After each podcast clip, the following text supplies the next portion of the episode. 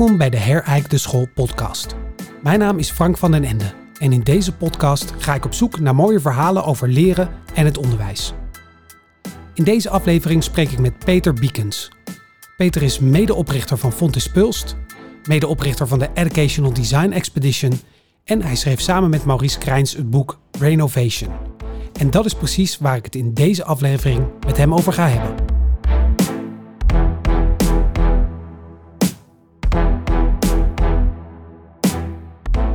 Peter, fijn dat je er bent. Uh, fijn dat je tijd wil vrijmaken om even in gesprek te gaan met elkaar. Ja. Uh, ik heb je al geïntroduceerd, maar zou je jezelf ook even kort willen introduceren? Uh, ja, dat is goed. nou, Peter Biekens. Ik ben werkzaam bij Fontis Pulst. onderhand acht jaar al werkzaam bij Fontis, maar in een aantal initiatieven gezeten met betrekking tot onderwijsontwikkeling, onderwijsvernieuwing. Nou, Pulst is nu, bestaat nu drie jaar, een van de oprichters daarvan. Ja, daarnaast heb ik uh, samen met Maurice Krijns uh, een boek geschreven, uh, Brainovation genaamd. Het gaat over je creatief probleemoplossend vermogen en hoe dat dan precies werkt in je brein en hoe je dat kunt trainen. Um, nou, ik denk dat dat wel even genoeg is voor nu. Ja, ja interessant wat dat creatief probleemoplossend vermogen en hoe dat in je brein werkt. Als je kijkt naar scholen nu, hè, denk jij dat wanneer je naar de doorsnee school kijkt, hè, voor zover die bestaat, dat docenten over het algemeen op de hoogte zijn van hoe dat brein eigenlijk werkt? Nou, ik denk dat, uh, dat, het, dat de gemiddelde docent daar niet zo van op de hoogte is. Maar alhoewel het wel steeds meer aandacht krijgt, dus dat, dat is denk ik heel erg goed. Uh, er zijn natuurlijk heel veel boeken over geschreven. Um, maar uh, ja, hoe het toe te passen in je onderwijs, dat is natuurlijk een tweede. Ja, want, want waar gaat het vaak mis volgens jou? Um, nou, het gaat, het gaat vaak nou, mis, mis. Het is vaak een soort van, nou, als je het over, over het brein hebt, hè, over de routine, het routine denken van het brein. Um, we werken allemaal in routines. Dus uh, in het onderwijs zijn we ook gewend om dingen op een bepaalde manier te doen. Um, en om die routines te volgen. En ja, daar gaat het eigenlijk mis. Want je wil juist dat, dat studenten om kunnen gaan met veranderende omstandigheden, met problemen, complexe problemen. Problemen worden ook steeds complexer. Hoe ga je daarmee om? Um, en hoe, hoe maak je daar ruimte voor in het onderwijs? En uh, het alleen aanbieden van uh, kennis of het geven van vakken die allemaal losstaan van elkaar, ja, draagt daar bijvoorbeeld niet aan bij. Ja, en dat, dat Brainovation, wat jullie hebben neergezet in ja. dat boek, dat zou er wel aan bij moeten dragen. Kun je dat eens kort samenvatten, wat dat dan is, dat Brainovation? Ja. Um, nou, kort samengevat gaat het eigenlijk uh, over het uh, in verbinding komen van je bewuste met je onbewuste brein. Uh, wat er vaak gebeurt is dat je denkt eigenlijk heel de dag heel erg bewust, je bent heel erg gefocust.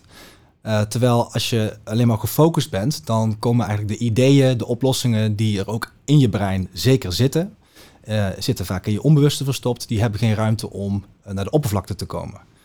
Nou, we hebben allemaal geleerd om ons te focussen. Heel het onderwijs is erop gericht om ja, vooral bewust bezig te zijn, terwijl het ook heel belangrijk is. Het is eigenlijk een natuurlijke denk, manier van denken van je brein, maar dat hebben we een soort van afgeleerd. Om ook die rust te pakken, om je onbewuste ja, naar boven, naar de oppervlakte te laten komen. En dat kun je trainen. En, en hoe, hoe train je dat dan? Hoe kan een, wat kan een docent nou doen om dat ja, te stimuleren? Ja, nou, misschien is het, uh, want het, het, trainen op zich, ja, daar goed, hebben wij een training voor bedacht. Maar als je even kijkt naar het, naar het uh, onderwijs zelf, wat kun je als docent doen? Nou, wat heel belangrijk is, is dat je de juiste vragen stelt, bijvoorbeeld. Mm -hmm. um, je kunt een, een vraag stellen die uh, convergent denken, dus gewoon het logisch nadenken stimuleert van A naar B. Dus bijvoorbeeld, uh, uh, wat is 3 plus 3? Nou, mm -hmm. dat is eigenlijk één antwoord, dat is 6. Ja. Je kunt ook vragen, wat is, wat is 6? Nou, dat kun je uh, het divergent denken stimuleren. Dus wat is 6? Nou, dat is 3 plus 3 is 6. 1 plus 5, 12 gedeeld door 2, nou, enzovoort. Mm -hmm. Nou, je kunt ook nog een stap verder gaan en zeggen van, ja, maar um, probeer nou eens eventjes een stap terug te nemen en eigenlijk wat verder te associëren. Nou, wat is dan 6? Nou, dat zou een zeshoek kunnen zijn. Uh, dat zou um, een, een, uh, een, dobbelsteen kunnen zijn. Mm -hmm. Dan kun je daarmee associëren. Nou, zo kun je eigenlijk steeds verder afdalen in je onbewuste door meer afstand te nemen. Ja. Door bijvoorbeeld uh, van het probleem eventjes een incubatieperiode in te lassen. Nou, dan kom je misschien op ideeën, als je dan de vraag stelt wat is 6, op de, de zes denkhoeden van de Bono of mm -hmm. op de Six Sense. Nou, um, het is even een heel, heel klein, kort Ja. voorbeeld, maar dat, eh, dat is wel wat je. eh, dus het, dat is wat eigenlijk mijn punt. Hè? Dus het- de vraag stellen en wat bedoel je met die vraag en ook daarop doorgaan. Eh, dat is gewoon heel belangrijk. Maar als ik nu advocaat van de duivel ben, hè, dan, Hmm. dan gaan er docenten die nu luisteren, of, of nou ja, die kennen mensen die zullen gaan zeggen: ja, maar dat kan niet iedere, iedere leerling kan dat niet. Het is echt iets wat weggelegd is, dat associëren hè, voor de hogere Ja. eh, denkvaardigheden van. Wat denk jij Ja. daarvan? Denk jij dat iedereen dit kan? Eh, ja, ik denk zeker dat iedereen het kan. Mhm. Ehm, kijk, iedereen heeft een brein. En ehm, iedereen heeft de mogelijkheid, het is een enorme powermachine. Iedereen heeft de mogelijkheid om, daar, eh, om dat potentieel te benutten. Ehm, de ene is daar, heeft daar meer aanleg voor dan de andere. Die kan van nature, eh, raakt niet snel in paniek, kan rustig afschakelen bij eh, complexe problemen of bij in één keer een probleem waar je mee geconfronteerd wordt. eh, dan, dan dat een ander dat kan. Ja. Maar je kunt het, iedereen kan dat, kan dat leren, iedereen kan dat trainen. Maar dat betekent dat je dat gewoon vaker moet doen. Ja. Nou, en als je dan even de link maakt met het onderwijs. ehm, wat ik heel belang- belangrijk vind, is dat, dat je studenten een leerervaring meegeeft. Ehm, een probleem oplossen, eh, dat doe je niet vanuit een, een tekstboek of eh, eh, door de theorie te leren. Ik heb meegemaakt, ook in het onderwijs, dat de studenten alleen maar modellen leren Mhm. en ze worden vervolgens met de realiteit geconfronteerd, ja, dan weten ze het niet meer. Nou, het is heel belangrijk dat je in je onderwijs, in ieder geval dat vind ik, dat je een leerervaring meegeeft aan studenten, waarbij ze juist hetgene wat ze leren kunnen integreren.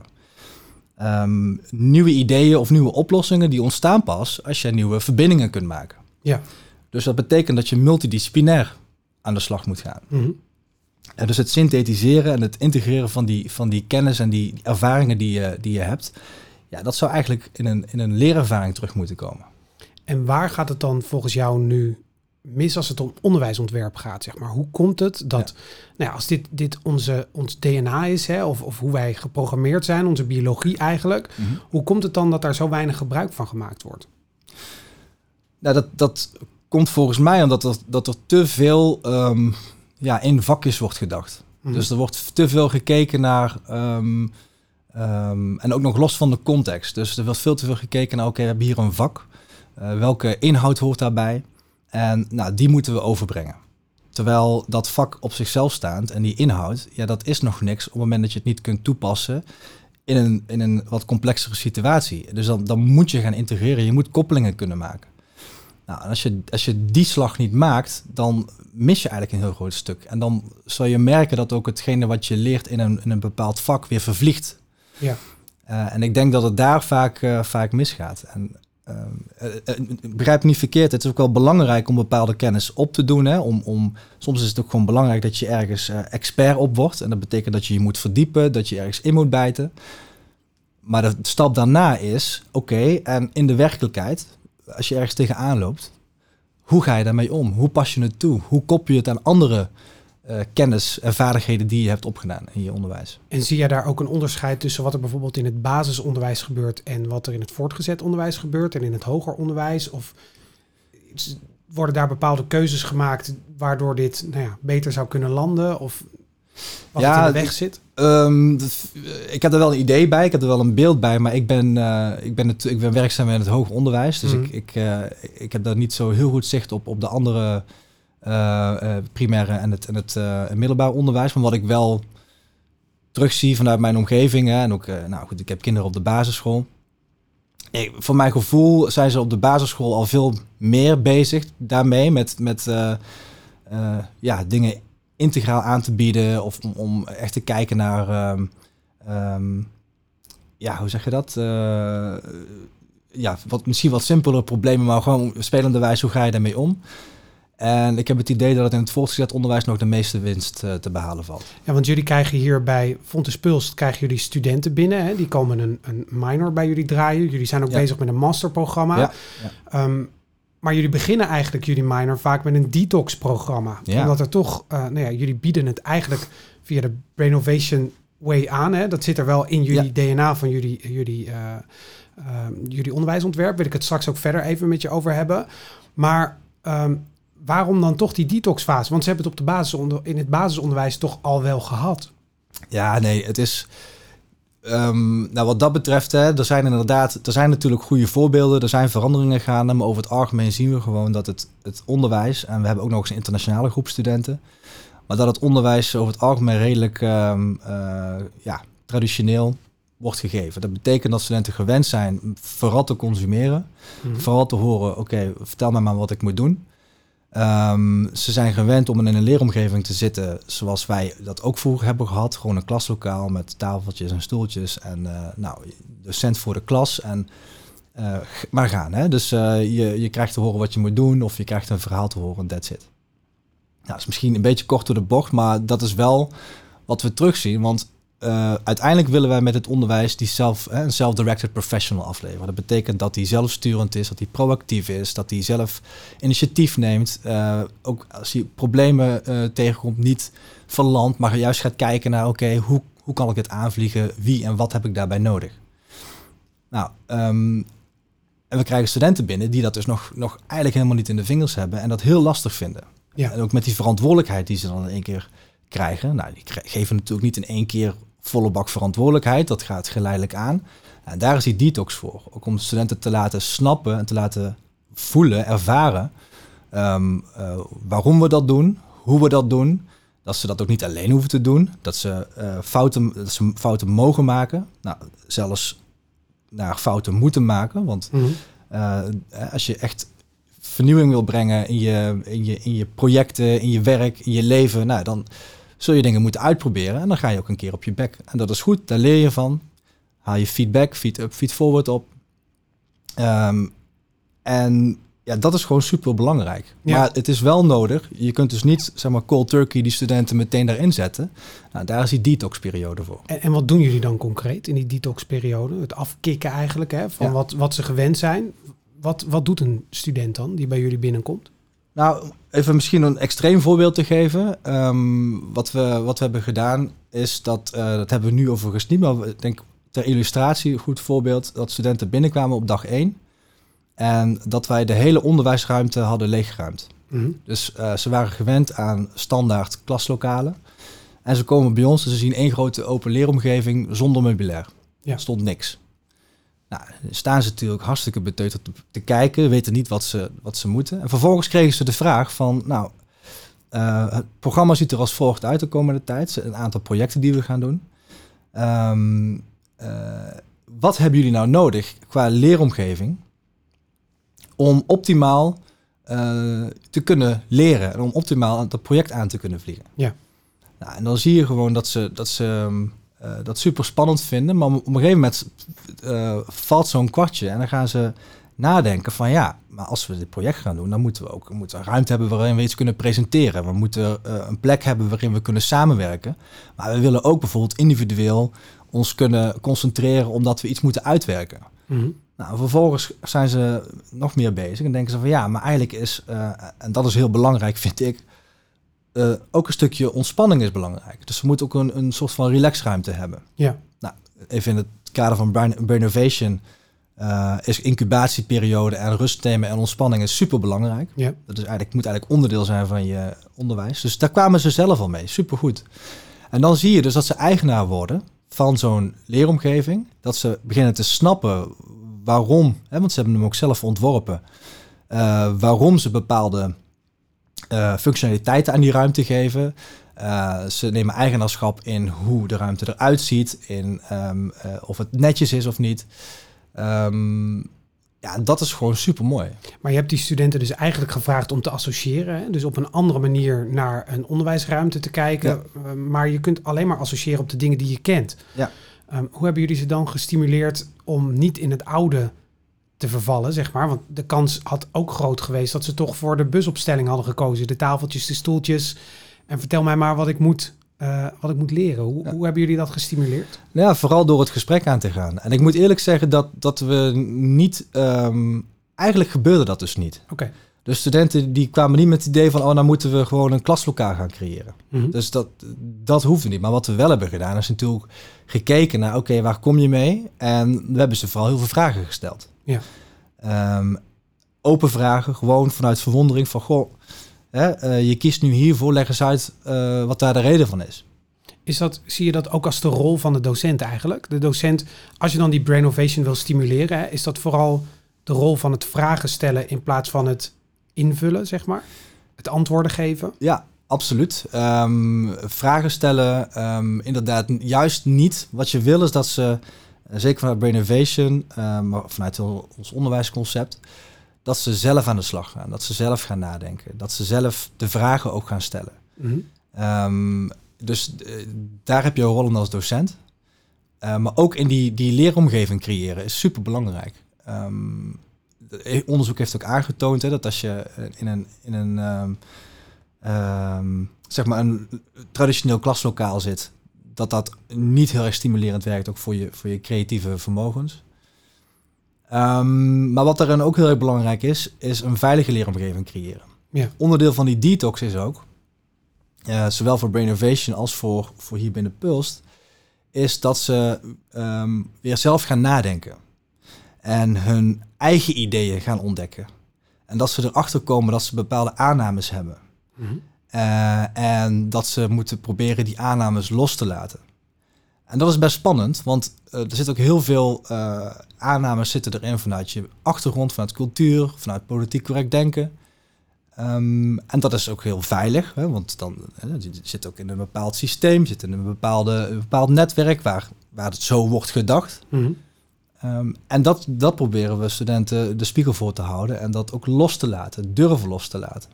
Is het echt, is het loslaten ook het doel of is het meer het jezelf plaatsen, zeg maar, bewu bewustwording? Is dat meer het doel?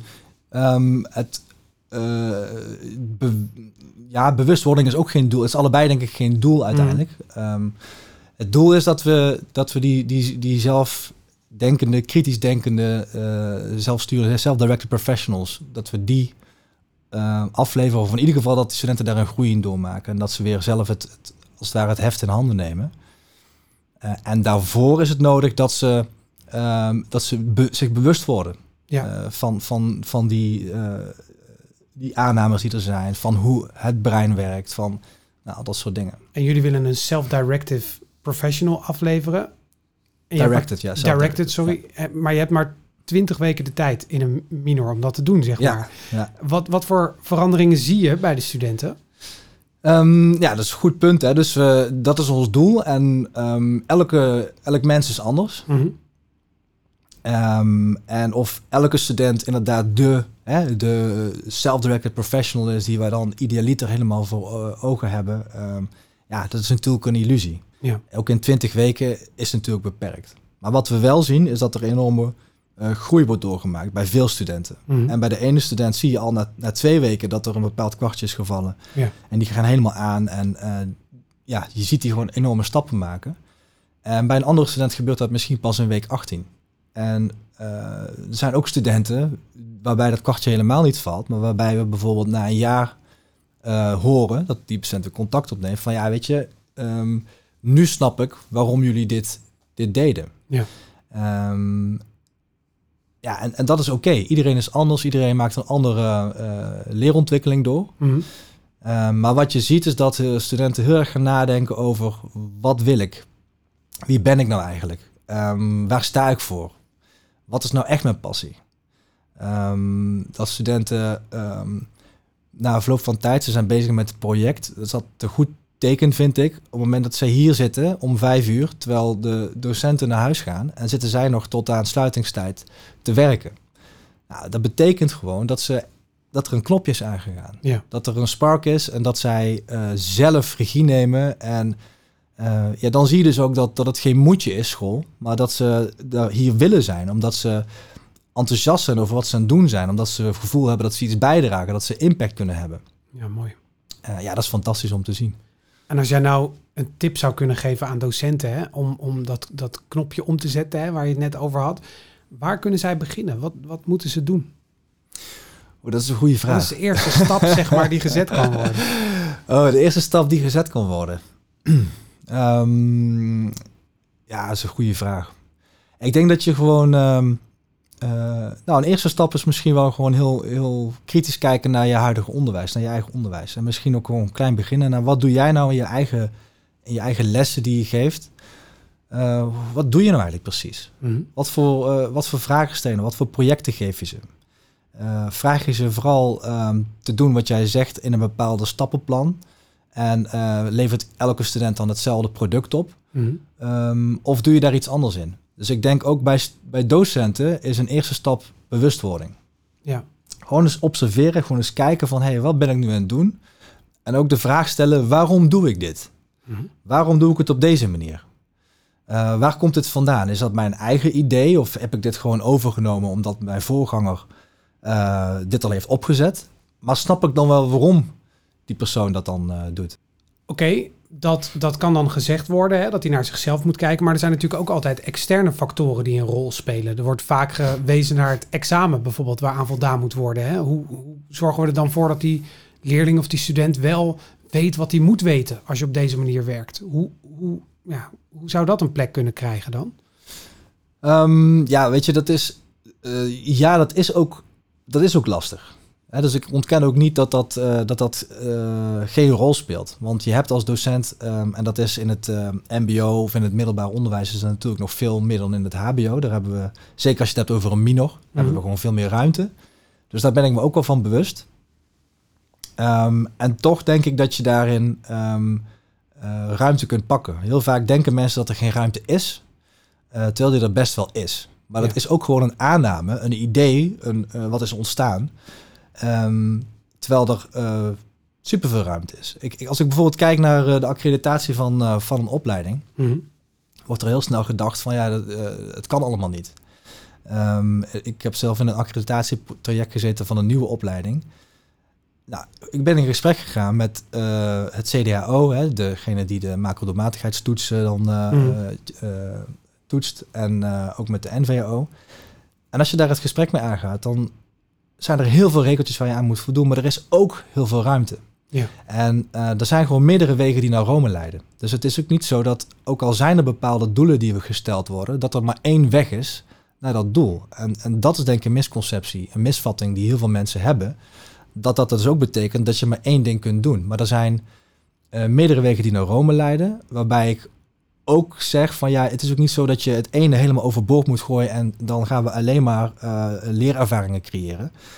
Want zo werkt het ook niet. Het is natuurlijk een combinatie van die twee. En het is volgens mij gewoon kijken, stap voor stap. Oké, okay, wat kan ik nu doen in mijn onderwijs waarin ik dat, waarin ik een, een kleine aanpassing kan doen. Dus ga ook niet meteen uh, alles uh, van, van hè, 180 graden omgooien. Maar Mhm. doe dat iteratief. Hè? Dus doe, pak dat ontwerpend aan. Maar betekent dat dus eigenlijk ook dat de, de onderwijsprofessionals zelf de brainovation moeten gaan toepassen? Zeg maar. het, het, het, het, associëren, ja. de ruimte pakken, niet uitgaan van er is maar één antwoord. Uh, dus ook de onderwijsprofessionals zelf hebben veel aan die methodiek. Absoluut, absoluut. Kijk, vaak wordt, wordt gedacht uh, dat Um, want ik zeg, ik zeg expres creatief probleemoplossend vermogen. Als je het hebt over creativiteit, zijn er allerlei uh, associaties. Uh, Mhm. Van uh, macrameën en, en schilderen tot muziek maken tot nou ja, whatever. Jong leren. Jong leren, um, nou ja. Um, maar dat is, er zit een verschil in. En dit is ook een manier van denken die je eigen kunt maken. en dat is niet alleen voor studenten zo, maar juist ook voor docenten. En hoe, dat is misschien wel goed om aan te geven. Vaak wordt er gesproken over outside the box denken. Maar probeer maar eens creatief te zijn inside the box. Dus hoe meer uh, restricties je hebt, hoe creatiever je eigenlijk moet zijn in het oplossen van de uitdaging die je hebt. Ja. Nou, en daar heb je gewoon een andere. Uh, dan moet je uit een ander vaatje tappen. En dat vaatje dat heeft iedereen. Dat is namelijk je onbewuste. Dat is je brein. Dat, Ja. dat zit in ieders hoofd. En die heeft enorme uh, denkkracht. Dat is de meest krachtige uh, computer, als ik die uh, vergelijking dan even maak, die er is. Ja, want als je dat dan afzet tegen die computers, hè, is dit ook de manier om als mens zijnde ons te blijven onderscheiden van die computers? Want die computer die kan heel makkelijk zeggen 3 plus 3 is 6. Maar de andere kant op wordt voor een computer al een stuk lastiger. Ja, nee, zeker. Nou, de vraag is of we straks geen computers hebben die dat ook kunnen. Hmm. Dus uh, uh, ja, dat, dat, dat zie ik ook nog wel gebeuren. Maar ja, zeker. Dus um, we hebben de, de uh, capaciteiten om, om al die verschillende kanten op te denken. We hebben de capaciteiten om um, parallel te denken. Hè? Dus om, om uh, allerlei calculaties te maken. Je brein werkt 24 uur per dag, 7 dagen per week. En maakt continu, bij alles wat je doet, maakt die calculaties, werkt die scenario's uit. Ja. Um, bedenk die van allerlei situaties waar je voor staat. Worden er, als jij slaapt s'nachts, worden er scenario's afgespeeld. De meest krankzinnige scenario's tot, tot supergoede scenario's. Um, maar op het moment dat je alleen maar je druk aan het maken bent, bezig bent met, met te focussen, niet even afstand kunt nemen, uh, je druk maakt over allerlei restricties die er worden opgelegd, Mhm. uh, dan zul je ook niet tot, tot andere inzichten komen. Dus je moet uit je, uit je routine breken en je moet kijken naar, hey, maar wat is er nog meer? Hey, als mensen nu aan de slag willen met Brainovation, waar kunnen ze terecht? Nou, ze kunnen bij mij terecht. Bij jou terecht. kunnen ze met mij contact kunnen contact met jou opnemen. Ja. En het boek is ook te bestellen via Bol en alle Ja, ja, ja. ja. normale eh, kanalen. hè? Ja, ja. Nou, hartstikke goed. Dankjewel Peter voor eh, het inzicht geven in Brainovation. En eh, nou ja, hopen dat veel mensen het gaan toepassen. Mensen thuis, luister de volgende keer weer naar de volgende aflevering van de Herijk de School podcast. Dankjewel voor het luisteren en tot een volgende.